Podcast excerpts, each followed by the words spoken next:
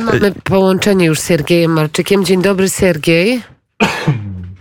Halo, halo. Tak, słyszymy się.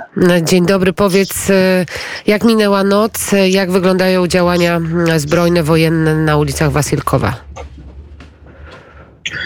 E, noc była całkiem, minęła całkiem spokojnie. E, nie powiem oczywiście, że nie było tutaj żadnych walk, bo na przedmieściach miasta cały czas są walki. E, większe lub mniejsze są lekkie bombardowania, ale przynajmniej już nie było e, ataków rakietowych, ani samoloty nie rzucali bomby, co, co już jest dużym sukcesem i jakby przedmiotem do szczęścia tutaj w tej okolicy.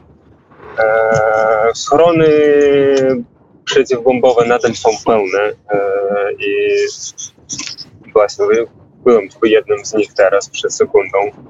Ludzie nadal się boją, mimo to, że troszeczkę mniej strzelają, nadal się boją, wszyscy przygotowują się. Cały czas się mówi o dużym ataku, który nastąpi w którymś momencie na to, na to miasto. Cały czas do niego się przygotowują, a teraz e, jadę, jadę tam akurat do, e, do pani, która urodziła dziecko i przyjeżdżając w sumie w centrum miasta, e, przyjeżdżając jedną z dzielniczek, e, zobaczyłem, że dzielnica cała jest zamknięta i podobnie są tam Ruscy zablokowani i, no i pewnie będzie walka gdzieś tam w centrum miasta dzisiaj. Powiedz, jak wygląda otoczenie, jak wygląda miejsce, w którym się teraz znajdujesz, jak wyglądają budynki? Eee, znaczy tutaj wiadomo, no jest, część miasta jest rozwalone, nie jest to połowa miasta, daleko nie połowa. W sensie to, jest, to są pojedyncze budynki wyrywczo, raczej po, w pobliżu obiektów wojskowych, które są e, porozrzucane po całym mieście, e, bo wojska rosyjskie bombardowali dolatywali, e, bomby dolatywali do e, domów cywilów e, w okolicach tych obiektów wojskowych, więc w niektórych miejscach są mocne zniszczenia, w niektórych życie to życie. Nie powiem, że tak jak wcześniej, no bo wszystkie sklepy są zamknięte, stacje są zamknięte, w sumie wszystko jest zamknięte i bardzo mało ludzi na ulicach. Na ulicach ludzie są tylko w kolejkach albo do bankomatów, albo do sklepów. To jeszcze e, Wasilków to jest na południe od Kijowa, na zachodnim brzegu Dniepru. E, to jest być może ostatni kierunek, który będzie odcinany, jeżeli Rosja będzie otaczać Kijów. Jak to wygląda? Czy jeszcze można do Kijowa samego wjechać? Czy już gdzieś tam się pojawiają pierwsze wojska rosyjskie? Niektóre drogi do Kijowa są zamukowane i nie da się tam jechać, e, aczkolwiek no, całkowicie miasto jeszcze nie zostało odłączone, e, więc e, przy, przy wielkiej potrzebie no, da się tam trafić. Zamyka droga również wojska ukraińskie, zwłaszcza na wjazd, nie na wyjazd, tylko na wjazd, żeby po prostu zmniejszyć ilość cywilów tam, którzy mogą tam z jakichś niepotrzebnych powodów wracać albo albo też e, nie wpuścić e, grupy dywersyjne. A to a jak daleko, nie wiem, czy pan się orientuje, są w, już nie, nie, nie dywersanci, tylko regularne wojska rosyjskie od Wasylkowa?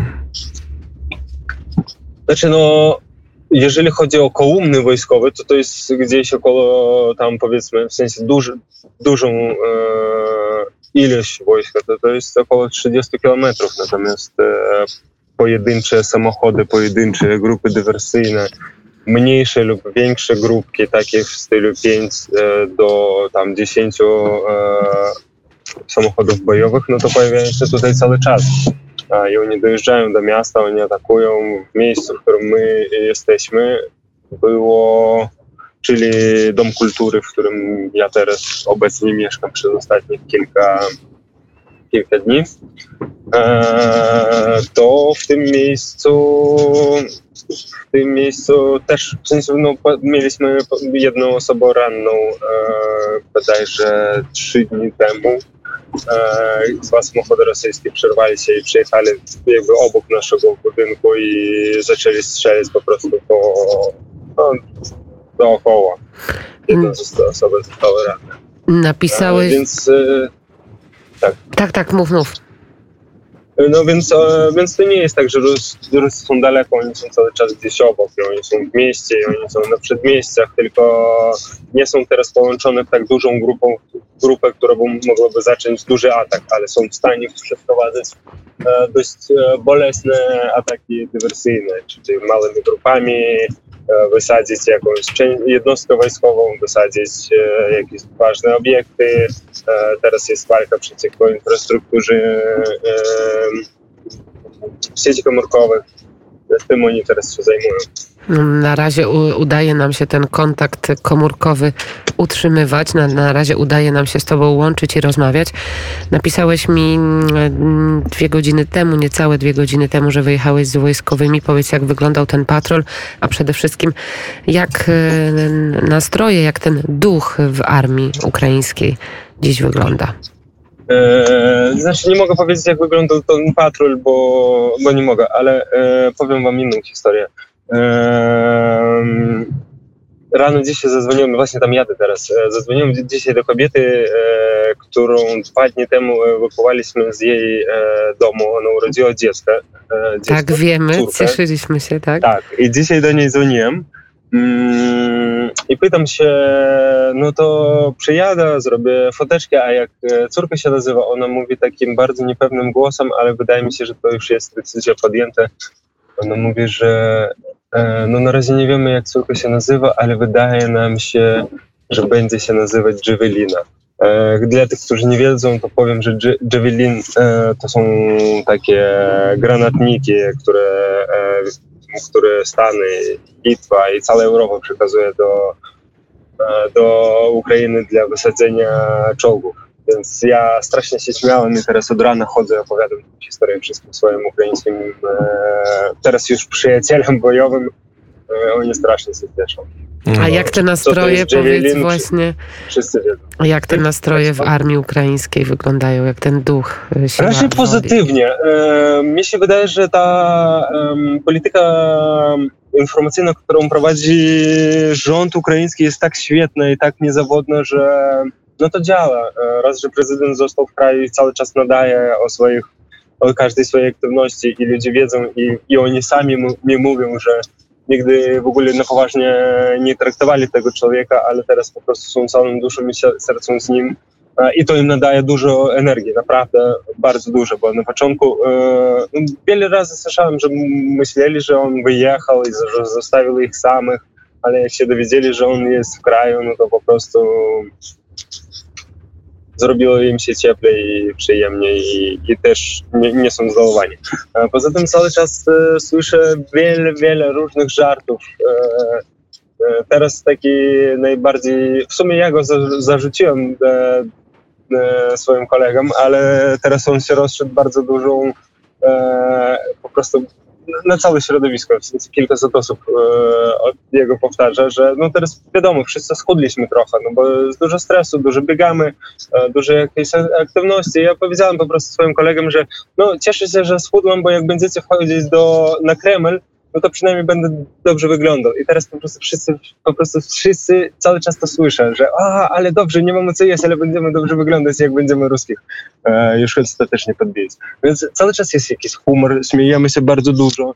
E, nie widać tutaj takiego dołu, w sensie ci ludzie, wiadomo, dołu jest tam, gdzie nic się nie dzieje, ale słychać wybuchy. To jest najgorsze miejsce, w którym można być, bo, bo wtedy jest bardzo niepewna sytuacja. Natomiast jeżeli jesteś w miejscu, w którym coś się dzieje, nawet jeżeli jesteś pod ostrzałem, ale no jest, jest, masz gdzie się uchronić, no to nie czuć tych dołów, tak? Więc brać się na pozytywnie wszyscy.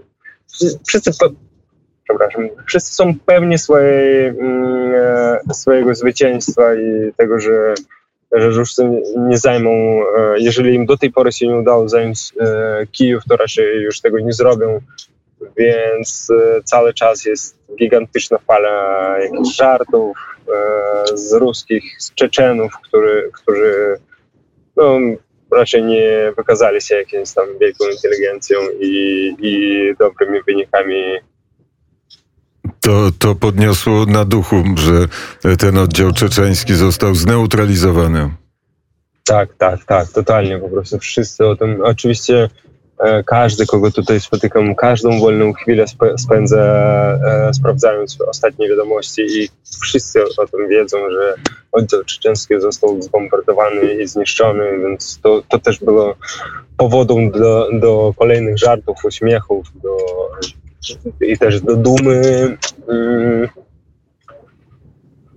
Do dumy wobec wojsk rosyjskiego, ukraińskiego, przepraszam. nas.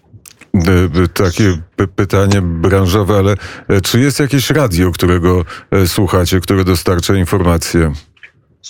Eee, szczerze mówiąc, e, teraz nie słuchamy radia. Raczej to jest internet, bo albo przemieszczamy się i nie słuchamy radia, bo trzeba słuchać, co się dzieje na zewnątrz. Generalnie, no, trzeba słuchać, co się dzieje na zewnątrz. Myślałem o takim E, To miejscu. jest najważniejsze, Mm. co, co możesz zrobić, bo jeżeli się zaczyna bombardowanie albo jakiekolwiek strzały, no musimy szybko reagować, więc jesteśmy cały czas w ciszy, rozmawiamy bardzo cicho, jeżeli znowu znajdujemy się w budynkach.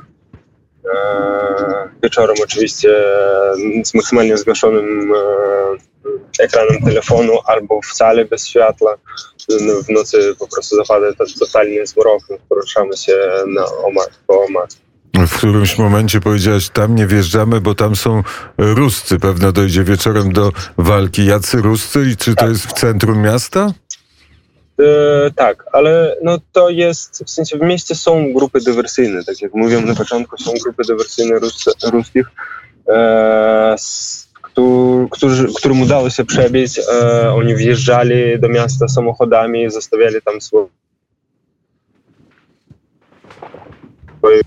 więc, cały w sensie pojedyncze żołnierzy e, są cały czas. E, Pojedyncze żo- żołnierze są ca- cały czas i no, większe lub mniejsze grupy. To nie jest duża grupa, tam kilka tysięcy osób, tylko tam 5, 10, 15, oni są cały czas. I niestety, e, ja niestety muszę was przeprosić najmocniej, bo my dojechaliśmy na miejsce, w którym zaczynamy teraz, no, musimy zrobić to, co mamy do zrobienia. Oczywiście Więc, e, rozumiemy. Przepraszam was najmocniej, muszę, muszę A my najmocniej dziękujemy Siergiej Marczyk, Wasilków i okolice prosto z Ukrainy, prosto z frontu. Bardzo dziękuję Ci za rozmowę i do usłyszenia. Dziękuję wam bardzo.